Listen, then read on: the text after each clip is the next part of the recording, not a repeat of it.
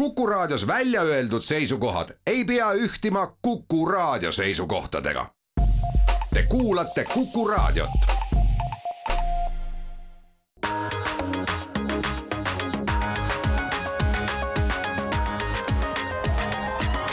digitund on esmaspäev, viieteistkümnes august ja Kuku raadio stuudiosse on kogunenud äh, Digitunni hästi päevitunud meeskond koosseisus Indrek Vaheoja, Mait Tahvenau ja Andrus Raudsalu. ja toome siis äh, teieni möödunud nädala olulisemad digiuudised ja esimene, ma arvan, uudis, mis ikkagi puudutab meid kõiki, on see, et ma ei tea, hurraa, hurraa ja siis igasugused plaksutused ja šampuse avamised, et Starlink on siis lõpuks Eestis saadaval ma olen nüüd natukene jälginud ka, mis siis Eestis inimesed selle kohta räägivad. ja väga pull on näha, et on inimesi, kes ütlevad, et täitsa mõttetult kallis ja, ja, ja milleks seda vaja on ja nii edasi, eks ju, aga teisest küljest mõtlen kõrvale, et tean isiklikult päris mitut perekonda, elavad Kesk-Eestis, üks ühel pool Tallinn-Tartut, teine teisel pool ja kelle koduhoovis äh, on nii kehva levi, et ühelgi operaatoril äh, ei ole rohkem levi kui, kui niimoodi, et pead põhimõtteliselt minema hoovi peale, telefon käes rääkima, sellepärast et noh, ma ei tea, kui läheb mõni rong mööda, siis ei ole sul levi või, või teisel juhul lihtsalt ei ole levi, eks ju, et, et, et sihukestel inimestel muud pääseteed ju tegelikult täna endiselt ei ole. ja ega tean minagi mõnda inimest, kellel on nagu spetsiaalne niisugune väike tornike isegi hoovi peal või siis mõnes kohas soovitatakse puu otsa ronida või, või lähima mäe otsa minna, et, et kuidagi ühendust saada, et seal tõepoolest need tõenäoliselt ka need siis äh, kõvasti reklaamitud äh, Telia 5G äh, nii-öelda koduinterneti paketid ilmselt ei tööta, aga Starlink tõesti töötab igal pool aga Starlinki seadme eest siis tuleb välja käia seitsesada eurot. Ja, ja ma ei tea, nüüd seal on vist on ka mingisugune siis äh, tarneaeg, et, et see tõenäoliselt ei jõua kohe teie juurde homme, kui te seda endale tellite. ja nüüd seal siis edasi on küsimus selles, et, et siis, kui noh, ma ei tea, et kas seda kuumaksu tuleb hakata maksma kohe või, või hakata maksma ikkagi alles siis, kui see taldrik sul püsti on. Ja, ja kuumaks on siis ka sada viisteist eurot no minu arvates on noh, krõbe krõbedaks on üks asi, aga inimesed on äh, natuke valesti aru saanud, et ega see Starlink ei ole nüüd selline teenus, mis võimaldab meile satelliitinterneti megakiirustega tohutult väikse tasu eest, et seda ei ole ju kordagi öeldud, et siit tuleb nüüd hinnarevolutsioon ja kõik eestlased, kes siin, ma ei tea, 4G otsas on olnud või, või kellel siis kaabel koju tuleb, et nüüd võtate selle taldriku endale ja siis te hakkate tohutult kokku hoidma, et seda momenti ei ole minu arust kordagi öeldud. pääsetee sulle interneti juurde, eks ju, et kohtadesse, kus see kaabel ei ulatu, eks ju, ja minu arust pull on selles, et ma tean ikka inimesi ka, kellel on tehtud pakkumisi valgusoptika vedamiseks, ma ei tea, suurusjärgus lausa kolmkümmend tuhat eurot, eks ju, sellepärast et ta lihtsalt läbib nii palju erinevaid krunte ja sa lõpuni ikkagi siis ka ei tea, kas sa saad iga maaomanikuga kokkuleppele. see on, ma arvangi, põhiline, et selle raha sa võid veel kokku saada, sest need finantsasutusi on ka igasuguseid, kust võid äh, tuge äh, saada, aga lepi näiteks viie inimesega, viie noh, ei pea olema isegi välismaalasi, lepi viie eestlasega kokku, et sa tõmbad nende kruntidelt kraavi läbi, kuhu sa paned oma kaabli sisse ja ma tahan noh, päriselt ka näha, kes. ikka leidub ikka üks mees, kes ütleb, et kuule, minu maa peal te ei kaeva. mitte mingil juhul, siia ei pane mingit kaablit, et tehke, mis tahate, eks ju, see on, ma arvan, kõige suurem probleem. aga üks, üks niisugune nüanss on muidugi veel juurde tulnud, et, et on, on ka keegi, kes ütles, et ta elab nagu nii palju Vene piirile lähedal, et kuigi ta on Eestimaa pinnal, siis temale ikkagi nagu ei anta internetti, sellepärast et. Starlinki. jah mm -hmm no aga kui nüüd võtta mm, neid,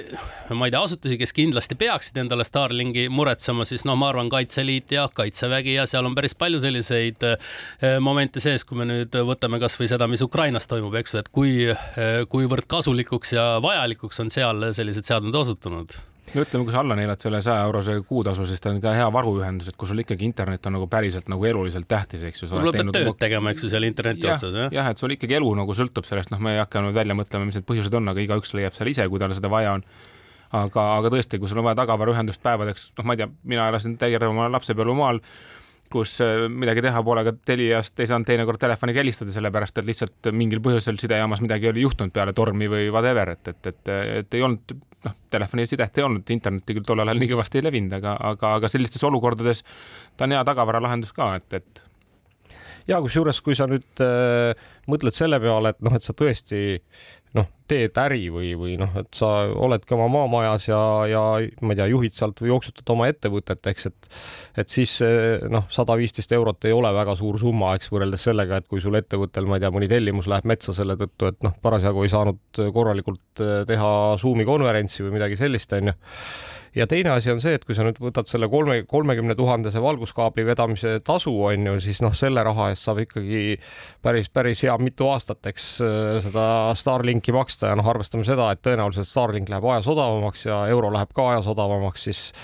siis eh, noh, ütleme, et eh, ma arvan, et see, see noh, kõikidel nendel inimestel, kellele sellised pakkumised on tehtud, on nagu Starlinki äh, kliendiks hakkamine täiesti nagu no-brainer. enne seda mobiilsust ei tohi ka ära unustada, et kui sa endale kaabli koju vead, siis see on sul seal kodus sellel kindlal aadressil, eks ole, aga Starlinki seadmed, kui sa ära kolid, sa võid ju teise kohta uuesti üles panna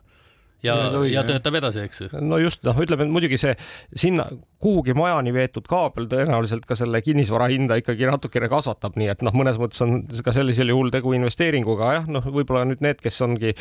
siis selle investeeringu ette võtnud, on noh, selles mõttes jällegi natuke kehvas seisus, et, et noh, et täna nagu see investeering enam nii suurt väärtust ei oma Starlinki olemasolul, et kui igaüks saab oma majja ikkagi suhteliselt mõistlikku internetti ja kusjuures, mida ma, milles ma olen ka täiesti kindel, et kui Starlinki satelliitide arv seal taevas kasvab ja, ja kui äh, nii-öelda see teenus areneb nagu natuke edasi, siis äh, kiirused kindlasti kasvavad, hinnad lähevad alla, nii et äh, ma arvan, et iseenesest on ikkagi väga tervitatav see, et Starlink meil saadaval on, aga lähme siit. mõtle, mõtle veel selle peale, vaata on ka inimesi, kellel pole isegi elektrit kodus, et noh, täna sellel aastal on ikkagi päris palju päiksepaneele ja akupankasid ja kõike, mis me oleme rääkinud, võimalik ja nüüd on lõpuks ka su internet sinna niimoodi tekitatav, et selles mõttes on see nagu täielik kombo, eks. nojah, et sa võid ka päikesepaneelidega endale Starlinki üles panna tõenäoliselt, et no just, väga palju elektrit ei söö, on ju, et ei oska öelda, et siin vist kuskil neid äh, detaile selle kohta ei ole olemas et kui palju siis ta ikkagi voolu vajab, aga, aga lähme siit edasi, et et möödunud nädalal oli siis selline tähtis sündmus nagu Unpacked event, kus siis Samsung annab teada oma kõikvõimalikest tooteuuendustest ja ja ütleme, et siis seal oli siis näidati neljandat generatsiooni volditavatest telefonidest, et oli siis Fold neli ja, ja Flip neli. mulle nüüd ausalt öeldes ei tee vahet, et üks käib nagu ühtepidi kokku ja teine teistpidi kokku, et Fold on vist see, mis läheb nagu lahti nagu raamat ja Flip on siis see, mis läheb lahti nagu puudridoos milline see puudridoos on no vot, Mait, sa, sa, sa, sa, sa sa sa veel ei puuderda ennast aga, aga jah, ja, ja noh, lisaks sellele siis näidati ka uusi äh, kõrvaklappe äh, äh, siis mille nimi on Buds kaks Pro ja uut siis Samsungi kella, mis on siis ka viies generatsioon, et et ega ausalt öeldes ma ei tea, mis selle kohta öelda, et, et noh, natuke on nagu tegu ühest küljest sellist noh, noh, ma ei tea, et, et kõikide nende telefon, suurte telefonitootjate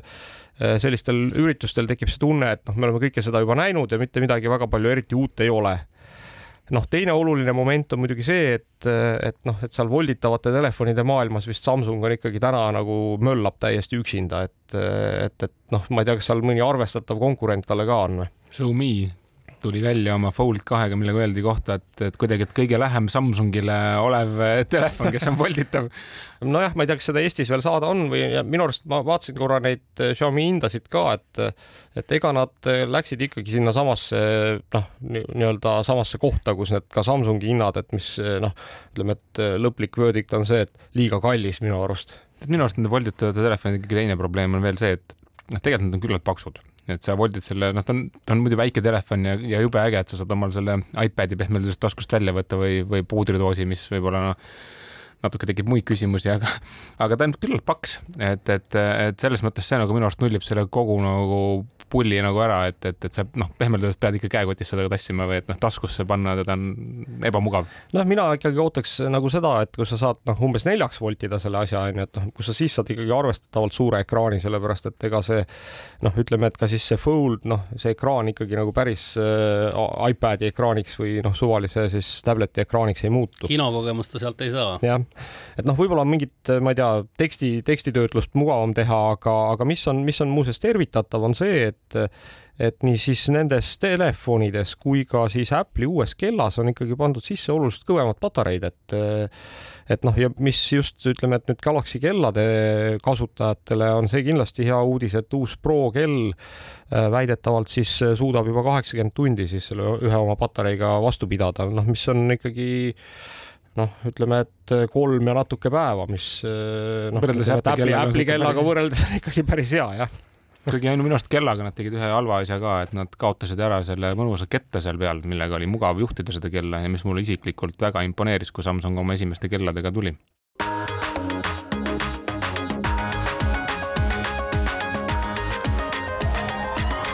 digitund digitund jätkab siit oma teise veerandiga. stuudios on Indrek Vaheoja, Mait Tahvenau ja Andrus Raudsalu ja toome teile siis see möödunud nädala olulisi digiuudiseid ja ma arvan, et meil oleks põhjust vist võtta kord veel tõuksid äh, teemaks äh, siin saates, sellepärast et äh, nüüd on jõudnud siis meieni uudised, et, et Bolt on, on otsustanud esma-, vabandust, reedel ja laupäeval, siis reede-laupäeva õhtul, kus tõenäoliselt neid Bolti tõukerattaid ikkagi kasutavad väga paljud pidutsejad, alandada siis tõukerataste piirkiirust tavapärasest kahekümne viiest kilomeetrist tunnis seitsmeteistkümnele kilomeetrile tunnis, et noh, ma ei tea, kust see täpselt nüüd siis seitseteist kilomeetrit välja tuli, et kas see on see koht, kus siis natuke vindise peaga nagu kindlasti käna ei pane või või noh. või kui paned, siis ei ole nii ohtlik ja, ikkagi, aga, aga pisut aeglasemaks läks, selle peale vaatasin ka kommentaare, mis arvati ja siis ikka öeldi, et, et mu vanaema kõnnib ka kiiremini, et mida te teete, eks ole. kiire vanaema ja aga no tegelikkuses on asi ju väga positiivne, sest et see põhilised ju mured tulevadki selliste eh, pidutsenud eh, tõuksesõitjatega. muidu tuletame meelde, et purjus peaga üldse ei tohi sõita sellise äh, riistaga, nagu siis ja, kergliikur on. just, ja kahekesi ei tohi sõita ja nii edasi ja nii edasi, eks. kuigi minu arust me... natukene jabur, et, et äh, noh, ma ütleks, vaata, minu arust on nagu küsimus selles, kus sa sõidad, et, et kui ma olen reede õhtul mingil põhjusel tulen hilja töölt ja nüüd ma pean sellepärast siin venima kodu poole, eks ju, sõites tühjal näiteks Järvevanal, kus ma näiteks vahel mõnda pikema distantsi olen sõitnud tulles kontorist kodu poole näiteks. et, et võiks olla ju täitsa nagu punn põhjas seal vabalt ei sega ju kedagi ja samas, kui ma satun kesklinna, et, et, et seal ma saan aru, ma isiklikust kogemusest ütlen samuti, et ma päris palju aastaid olen omanud ühte tõuksi, kõige lihtsamat, seda M kolm kuus viite, kui keegi teab, milline see on. Ja, ja mäletan, et kui linnas sõitsin, alati ma panin selle eco mode'i peale, sellepärast et sõidad teinekord august läbi, et siis see sõrm ei väärata seal gaasipedaali peal kuidagi, vaid sa ikkagi saad seal rahulikult kulgeda ja ei sega kedagi ja olen tühjemal tänaval, võtan jälle maha ja sõidan punn põhjas, et, et, et minu arust see on aga reede õhtul sõidad äh, hilisel äh, momendil töölt koju, äh, seitseteist kilomeetrit tunnis, saad mõelda veel, saad nautida, noh, natuke Nädala ringi vaadata eks ole. eks ole no,. Võt... aga muide, selles uudise juures tuleb välja, et meil Eestis on olemas ka ikkagi põhimõtteliselt kiirusepõhiline diskrimineerimine, sest et Jõhvis ja Kohtla-Järvel on, on üldse tõuksi kiirus piiratud kahekümne kilomeetrini tunnis, Tallinnas kakskümmend viis. mis on väga huvitav. no ütleme, et ma ei tea, kas seal noh, ütleme, et Kohtla-Järvel mingites kohtades olen ma küll pannud tähele, on see tänavate kvaliteet ka üsna nagu selline kahtlane, et, et noh, kui sul on auk augus kinni, võib-olla on üks põhjus see, Jõhvi iseenesest peaks olema päris korralikult nagu üles vuntsitud linn, et et selle tõttu ei tea, et kas siis Ida-Virumaal on kuidagi nagu suurem kihutamisvajadus inimestel või, või, või, väiksem riski hindamise võimekus või millest see tuleb jah, et seda vist ei ole ka Bolt kuidagi kommenteerinud. ja, aga Bolt kommenteeris veel sellist asja, et praegu on siis testimise järgus uus tehnoloogiline lahendus, mis siis teeb kindlaks valesti pargitud tõukerattad ja annab siis kasutajale märkuse ja juhise selle kohta, et kui ta on siis valesti parkinud. ja on veel piiranguid siis selle kohta, et ei saa parkida äh, tõukse ohutussaarte ja keerulisemate ülekäiguradade lähedustesse ja kitsamatele tänavatele, mis äh, viib kohe meid järgmise uudise juurde, mis tuli ka möödunud nädala lõpul, kui siis majandusministeerium andis äh, teada, et tegelikult kergliikuriga üldse ei tohi siis jalgratta ega jalgteedel parkida see on muidugi nüüd natukene hägune, et see, ma ütleks, et need tõukerattad on probleemiks küll olnud, eriti kui on mingi suurem kamp tulnud kuskilt kas üritusele või midagi ja parkinud täitsa suvaliselt, eks ju, ja üsna kerge tegelikult peaks olema neid inimesi ju tabada, kuna Bolt ju teab, kes sõitis ja talle teha märkus, et järgmine kord, kui võtad, siis selle eest rakendame sulle näiteks kiirusepiirangu, et sa oled olnud lohakas või ei anna sulle üldse tõuksi. Aga see, et nüüd üldse ei tohi parkida, kus me siis, mis siis tõuks kaotab oma mõtte, kui sa ei saa seda sinna tänavale jätta, eks kusjuures, kusjuures noh, mul on nüüd täiesti teistsugune kogemus just nimelt Bolti rendiautoga. Äh, ja noh, äh, ütleme nii, et kui sa noh, iseenesest on väga mugav teenus, eks neid on tõesti väga palju igal pool, istud sinna autosse, sõidad kuhugi. Ja vot siis tekib see probleem, et noh, ise mõtled, et jõuan jõle kiiresti kohale ja, ja noh, kõik on super luks. Ja kui sa kohale jõuad, siis selgub, et see koht, kuhu sa jõudsid, et sinna seda autot jätta ei tohi, sellepärast et seal on parkimise keeluala ja siis sa hakkad parkimise, seda parkimise lubatud ala otsima. ja noh, ja tihtilugu läheb jube palju aega, on ju, selleks, et üldse siis võit kaob ära. just, võit kaob ära aga, ja mis kõige hullem on see, et mulle tundub, et noh, et, et mõned niisugused nagu noh, ütleme nagu hallisalas olevateks kohtadeks ei saa nimetada, aga noh, näiteks kui sa lähed siia Lastekodu tänavale, mis on siinsamas, eks äh, Kuku raadio stuudio kõrval, siis seal on see probleem, et Lastekodu tänaval justkui võib, aga siis kõikides nendes parklates, mis seal nagu kahele poole välja ulatuvad, ei või ja, ja, ja noh, mingil põhjusel siis see GPS, ma ei tea, kuidas nad täpselt seda auto siis positsiooni määravad, kas määrab siis see telefonis olev äpp, on ju, või määrab siis see auto ise kuidagi või autos olev keps, et igatahes ei suuda ta ennast positsioneerida sinna ja ütleb, et noh, et siin parkida ei saa ja siis sa peadki leidma mingisuguse ikkagi sellise koha, kus ei ole mingi kits riba, kitsas riba, eks, kus parkida saab, vaid pead leidma mingisuguse laia koha, kus siis saab parkida, et siis mul on tõuksiga sarnane probleem olnud. positsioneeritud õigesse kohta, on ju ja mul on tõuksiga olnud umbes samasuguseid olukordi, kus äh, oled lubatud tsoonis, võiks parkida, GPS positsioneerib sul kergelt valesti ja oled igavesti hädas viiva auto tee peale mm. -hmm. et ei saa lõpetada sõitu ja jah, aga noh, ütleme, et see ilmselt äh, see siis hakkab meid kõiki ootama, see äh, tõuksi parkimise, tõuksi parkimise. no kusjuures positiivne on see, et ega linnas on päris palju lahedaid kohti tekkinud, kus on niisugused tsoonid, et jäta tõuks siia, kastikene on maha joonistatud ja. no ol, oleme, olgem nüüd ausad, ega neid nüüd ikka väga palju ei ole, et mina, mina tean. pigem on ikka see tõukside parkimine probleemne, et äh, praeguses seisus, aga majandus- ja kommunikatsiooniministeerium on andnud teada, et nad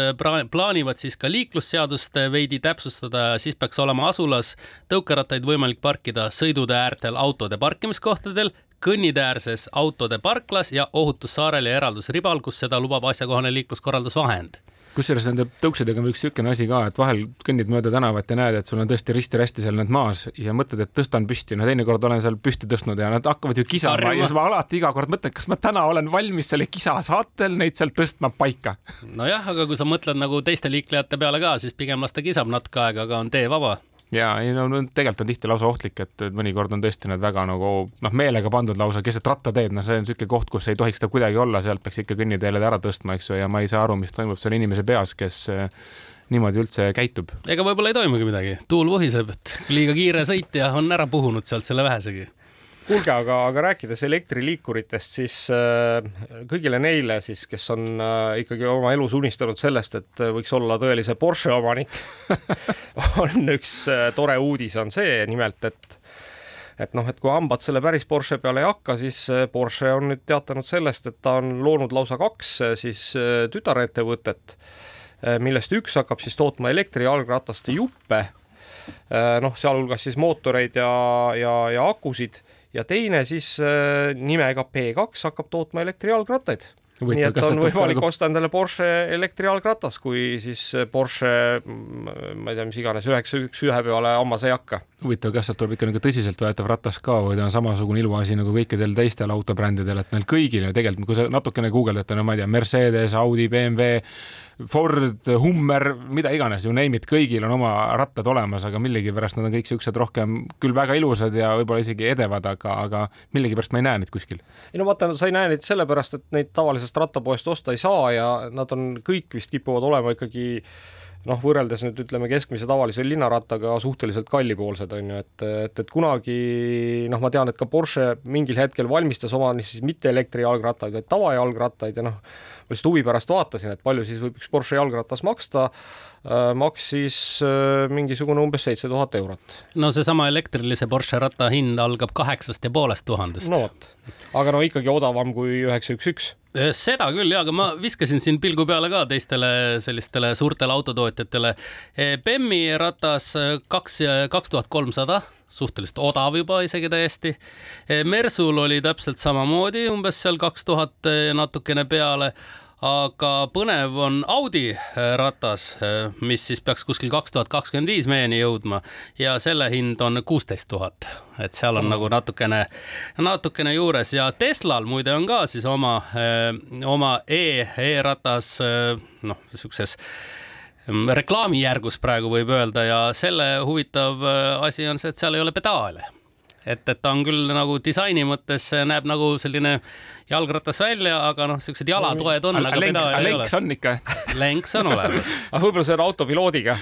ei no nad äh, siin äh, natukene siis äh, spekuleeritakse, et see ongi nagu roller põhimõtteliselt, aga lihtsalt rattadisainiga kuulge, aga lähme siit rattajuttude juurest reklaamipausile oleme juba mõne minuti pärast tagasi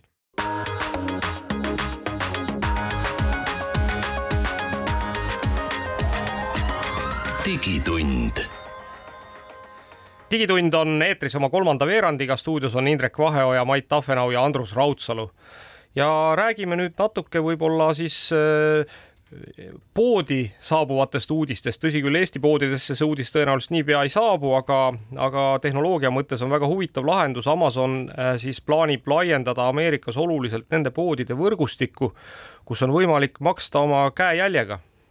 ja mitte siis sõrmejäljest, räägivad ikka peopesa, eks noh, jah, ja põhim- ja põhimõtteliselt on siis see ka, et, et noh, vastavalt siis tänapäeva standarditele on see selles mõttes noh, ütleme turvaline, et sa ei pea oma kätt kuhugi noh, ma ei tea, mingi asja peale sisse või kuhu iganes panema, vaid sa lihtsalt paned siis sellise anduri kohale oma käe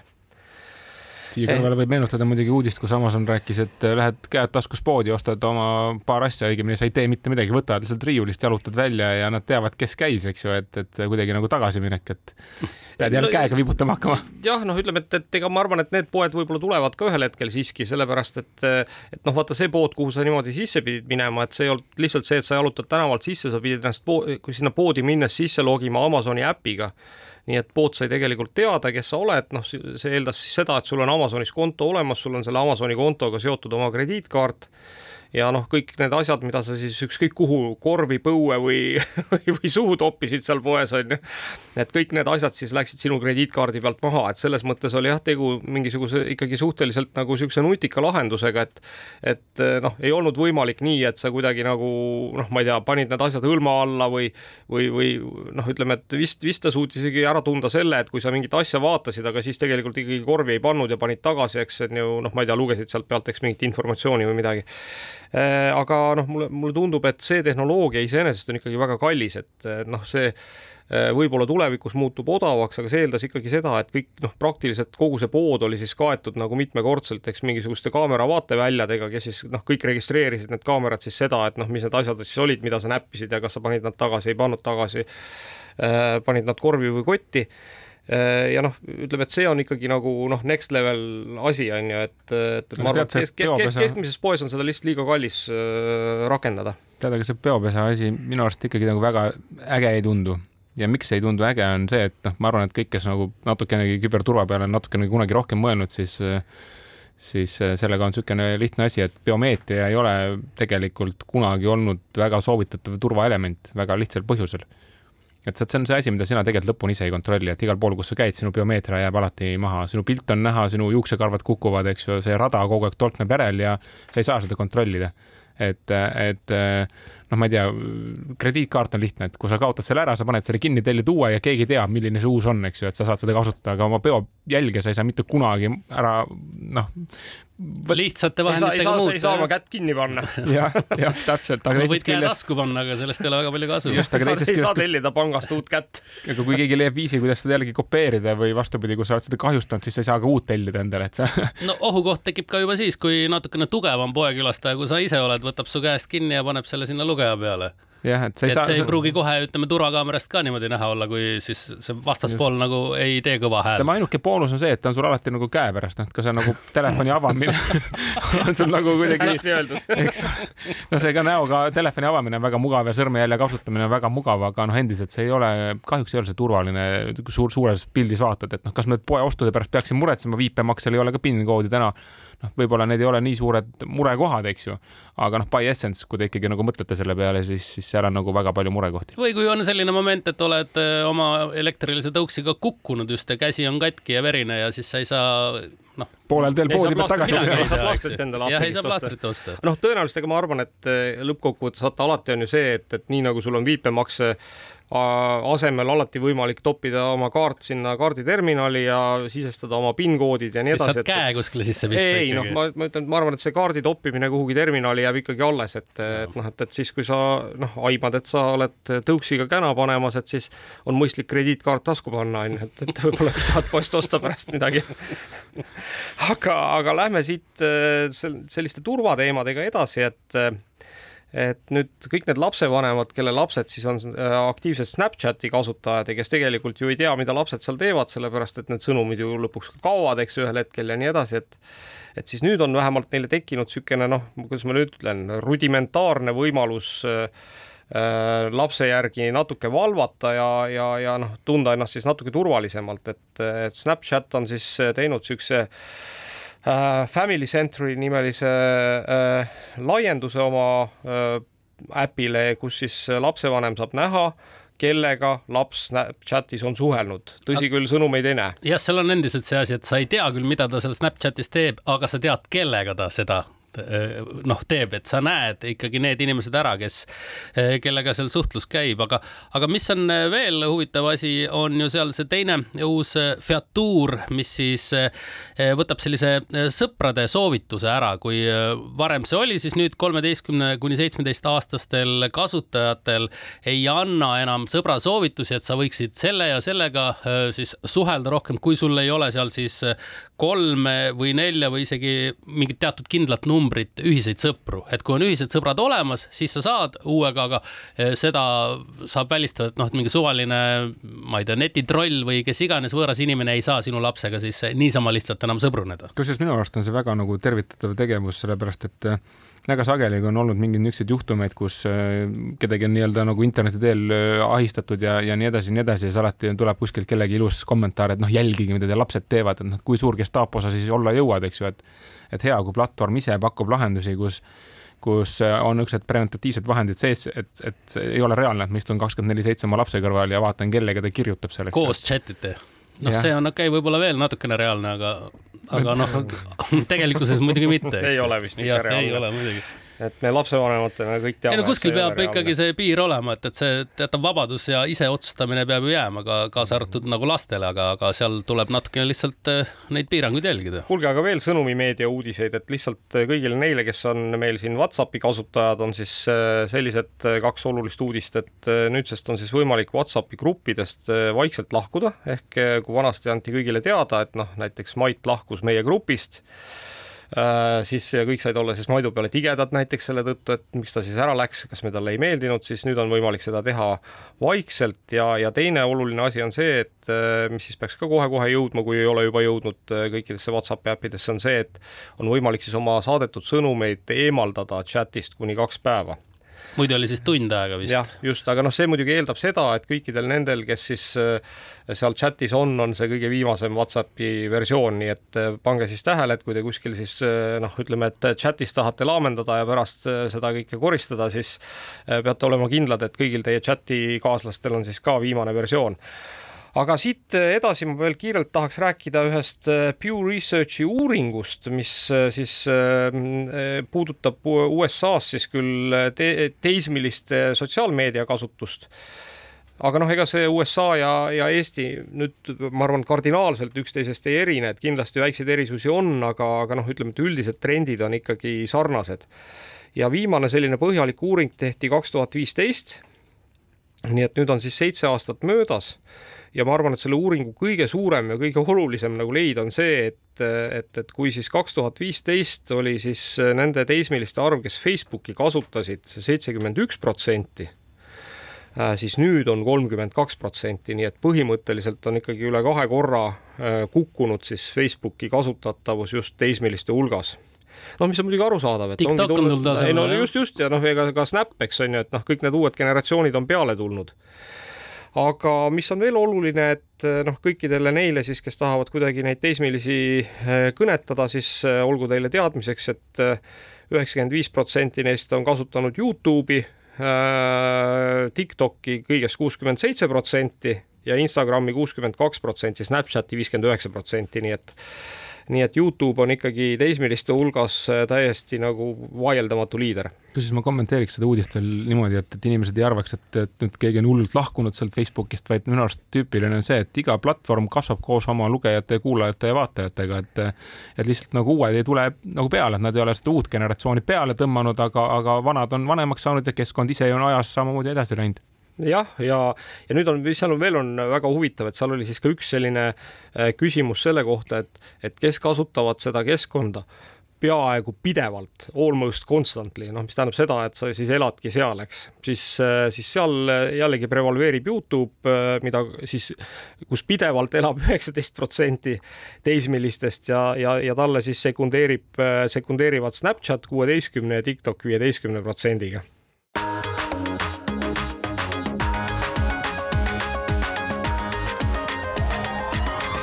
digitund. Digitund on eetris oma viimase veerandiga, stuudios on Andrus Raudsalu ja Mait Tahvenau, Indrek Vaheoja lahkus äh, Tartu bussile, äh, soovime talle siis head bussisõitu ja, ja, ja kohtume temaga juba järgmisel nädalal, aga lähme siit uudistega edasi. Äh, möödunud nädalal saime teada seda, et Stanfordi ülikool ja Nvidia on siis kahe peale saanud hakkama sellise uue tehnoloogilise arendusega, kus siis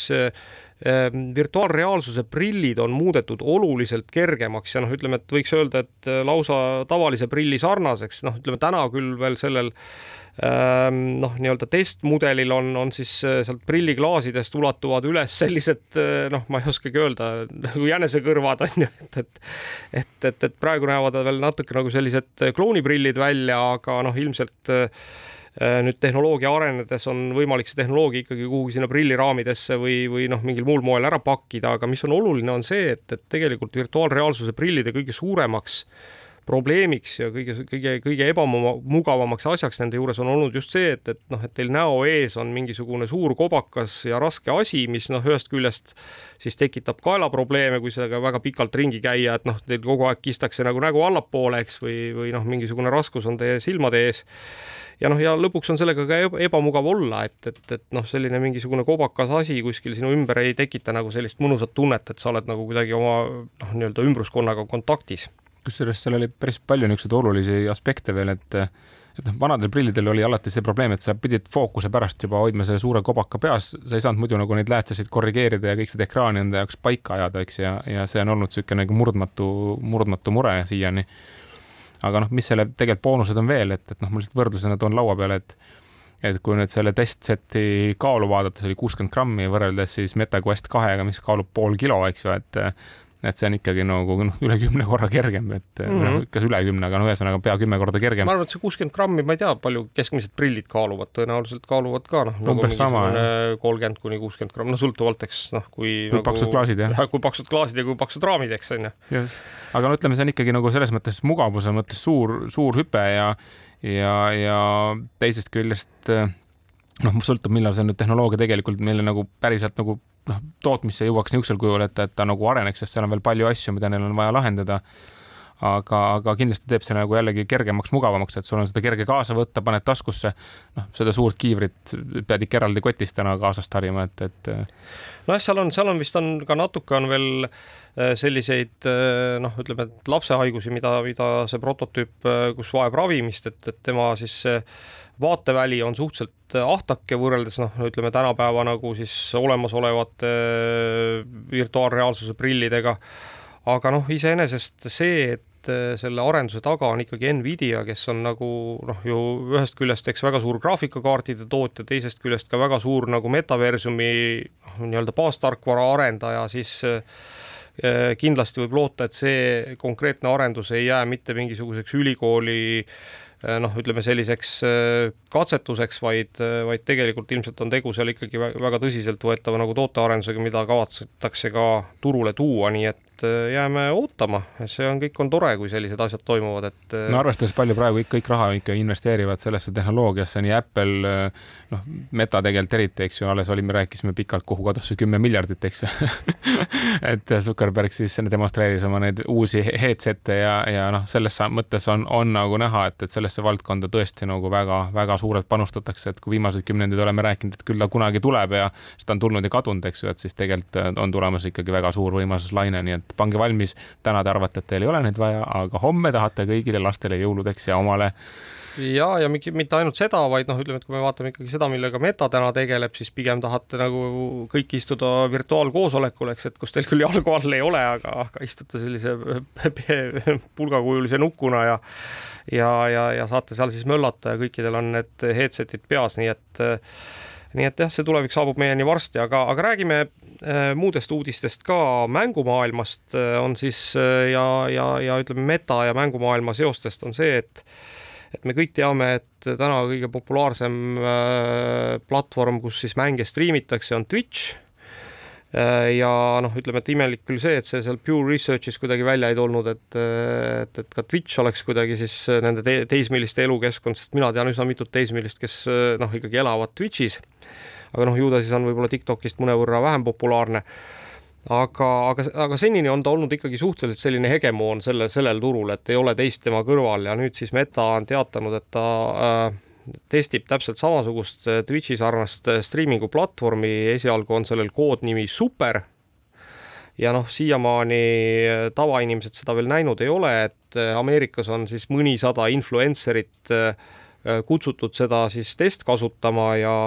ja mis on siis selle põhiline nüüd pakkumine kõikidele nendele influencer itele on see, et et, et siis see tulu, mida sealt teenitakse, see jääb siis tervenisti neile, et, et Meta ei võta sealt mitte midagi endale. kusjuures ma olen täitsa üllatunud, et Twitchi on saanud nii pikka aega nii rahulikult sellest turust toimetada, et mõeldes, kui suur on mänguindustria, eks ju, ja kui palju sinna raha uputatakse, eks ju, ja siis ma oleks eeldanud, et Youtube võtaks selle enda südameasjaks, see turg vallutada ja ja noh, Meta sinna otsa, eks ju, et, et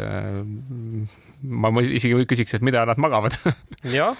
aga noh, siin ütleme selles mõttes on päris huvitav jah, et, et kui vaadata seda ülemaailmset mänguturgu, siis, siis üks päris huvitav noh, ütleme, et asi, mis sundis mind muuseas sisse vaatama, on, on, on sinna mänguturgu sügavamalt, on see, et tuli ka uudis selle kohta, et et siis on selline kuulus mängutegija nagu Ubisoft, et, et noh, kes ütleme, et kes ei tea, siis Ubisofti sinna noh, siis tiitlite või noh, nende mängunimetuste hulka kuuluvad siis Assassin's Creed'i äh, frantsiis äh, Tom Clancy siis nii Ghost Recon kui Rainbow Six ja Far, Far Cry, nii et noh, tegu on ikkagi väga populaarsete mängufrantsiisidega, millest kõikidest on ikka noh, ma ei tea, mitmeid, mitmeid ja mitmeid osi äh, ja, ja, ja Ubisoftist siis kuusteist protsenti on kuulunud ühele Prantsuse perekonnale, kes noh, on ka selle Ubisofti asutajad olnud kunagi. ja nüüd siis Tencent, äh, siis Hiina noh, digihiid, eks võib nii öelda, on, on, üritab seda kuuteist protsenti sellelt Guillemot perekonnalt ära osta. ja, ja, ja noh, selle peale ma hakkasin siis sisse vaatama, et noh, mis näitab seda, et kui oluline see mänguturg ikkagi maailmas on, et Tencent näiteks eelmise aasta jooksul on teinud üle kolmekümne ostu üle, noh, on ostnud siis osaluse enam kui kolmekümnes ettevõttes, muuhulgas on nende hulgas näiteks Epic Games, Supercell, Riot, nii et noh, ütleme, et kõik need mängutootjad, kes ei vaja nagu absoluutselt mitte mingisugust tutvustamist. ja nüüd siit edasi tegelikult äh, üks uudis, mis tuli ka meieni möödunud nädalal, on, on päris põnev, et äh, nimelt äh, India äh, siis keelas ära ühe populaarse sellise äh, Battle Royale'i tüüpi mängu, mis siis Indias oli ikkagi nagu üli-üli-üli palju kasutajaid Äh, sellel põhjusel, et siis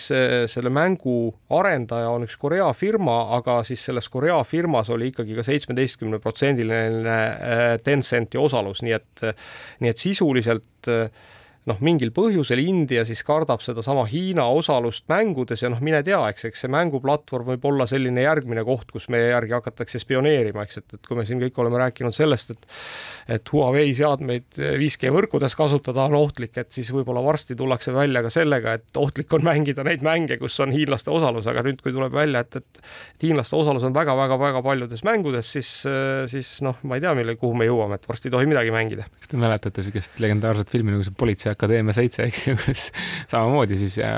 pahavara oli mänguga tootja poolt kaasas, eks ju ja, ja aga noh, ütleme, et ega see, see kõik võib ju juhtuda, seepärast et ega need inimesed, kes ikkagi seal oma mängudes elavad ja noh, ütleme, et mängudes saab ikkagi väga palju asju teha ja ja noh, mingil juhul, mingil hetkel võivad ju tulla ka ikkagi noh, mingisugused otsesuhtluse variandid, eks, et kus mäng kasutab ka sinu, ma ei tea, kaamerat, mikrofoni ja nii edasi. tegelikult tihti mõned ju, need kõik tehnoloogiad on ju kättesaadavad, sa installid mm -hmm. ikkagi arvutisse põhimõtteliselt ikkagi korraliku suure tarkvara ja need mahud, mis sa sinna alla tõmbad, see võimaldab sul sinna sisse panna mida iganes. ja, jah, kuigi noh, ütleme, et siit edasi vaadates muidugi mulle tundub, et, et äkki siin India ja Hiina vahel on üldse mingi selline digitaalne kaubandussõda kasvamas nimelt, nimelt India siis äh, valitsus otsib praegu ka võimalusi, et kuidas keelata Indias ära odavate Hiina telefonide müük ja odavate telefonide alla siis kuuluvad need telefonid, mis maksavad alla saja viiekümne dollari. ja noh, äh, nii naljakas, kui see ka ei ole, on siis kokku arvutatud, et juhul, kui India peaks äh, selle siis meetodi leidma, et kuidas saab selle asja ära keelata, siis Xiaomi käive globaalne käive peaks kukkuma kaksteist kuni neliteist protsenti, noh, see näitab seda ikkagi, kui palju on sellised odavad Hiina äh, telefonitootjad kanda kinnitanud nendel turgudel, kus äh, tõesti noh, ütleme, et inimesed on ikkagi hinnatundlikud.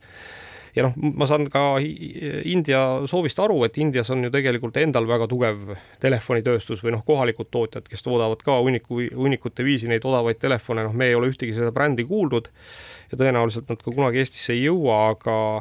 aga põhimõtteliselt äh, jah, selline siseturu kaitse tundub, et kõik hakkavad selle peale aina rohkem mõtlema. kuule, aga ma hüppaks siit korra ühe Google'i uudise juurde et äh, see on natuke mängudega seotud, et äh, Google äh, väidetavalt on siis tegemas praegu niisugust lahendust, et kui sa guugeldad mõne mängu nime, siis võib juhtuda, et Google'i otsetulemustes saad ka selle kohe mängu käima panna või saad juhised, kuidas mängu käima pannakse, et noh, Google'is on need widget'id on. ma saan aru ikkagi, et sa saadki klikkida, jah, noh, ma lugesin ka seda uudist, ma saan aru, et sa pead, saadki klikkida selle mängu peale, noh, põhimõtteliselt läheb ta käima, noh, see muidugi eeldab seda, et, et see on nagu mäng, mis on olemas siis mõnel sellisel äh, suurel äh, striimingu platvormil, mängu striimingu platvormil, siis nagu Nvidia Now või, või Google Stadia või, või Amazon, Amazoni, mis iganes ta on, Arcade või ma ei tea, mis. Neid platvorme on palju, eks ju, ja mingi vanu mänge on ka väga palju veebipõhiseks tehtud, et minu arust väga populaarne mäng kunagi oli Quake kolm on ju, mida on võimalik täitsa ametlikult veebis mängida enam-vähem suvalisel vanal arvutil ka veebibrauseris saad mängida full screen'is nagu oleks installitud arvutisse ja ja noh, niisugused asjad Google'ist niimoodi klõpsti käima panna oleks ju täitsa loogiline samm, kuigi väga huvitav on see, et kui Google mingil hetkel oma widget'id tegi, noh, ma toon näiteid, otsid oma lennukoodi, näed kohe, millal see lend maandub kuskil, et niisugused widget'id on hästi mugavad. aga viimasel ajal Google'is on hakanud need widget'id kaduma, et, et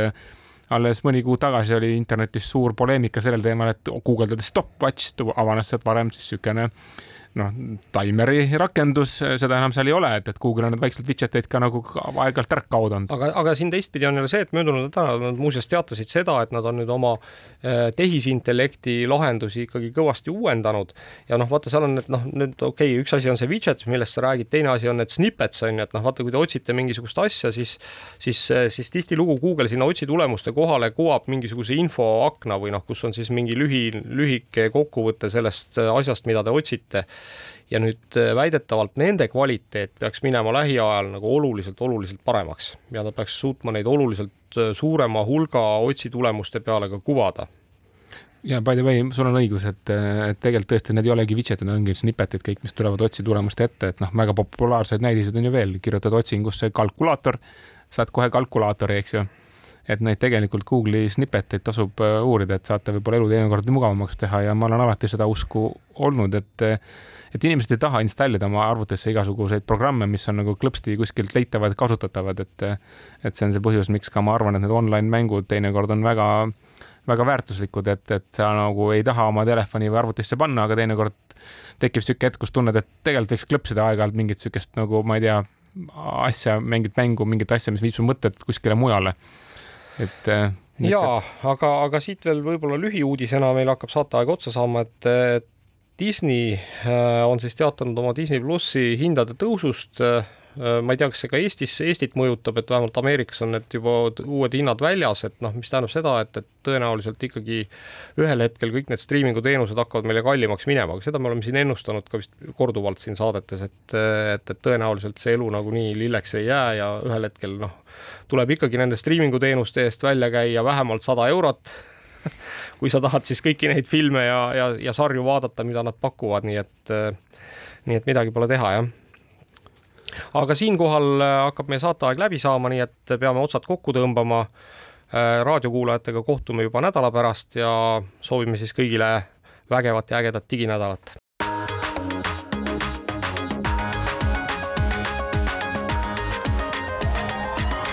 digitund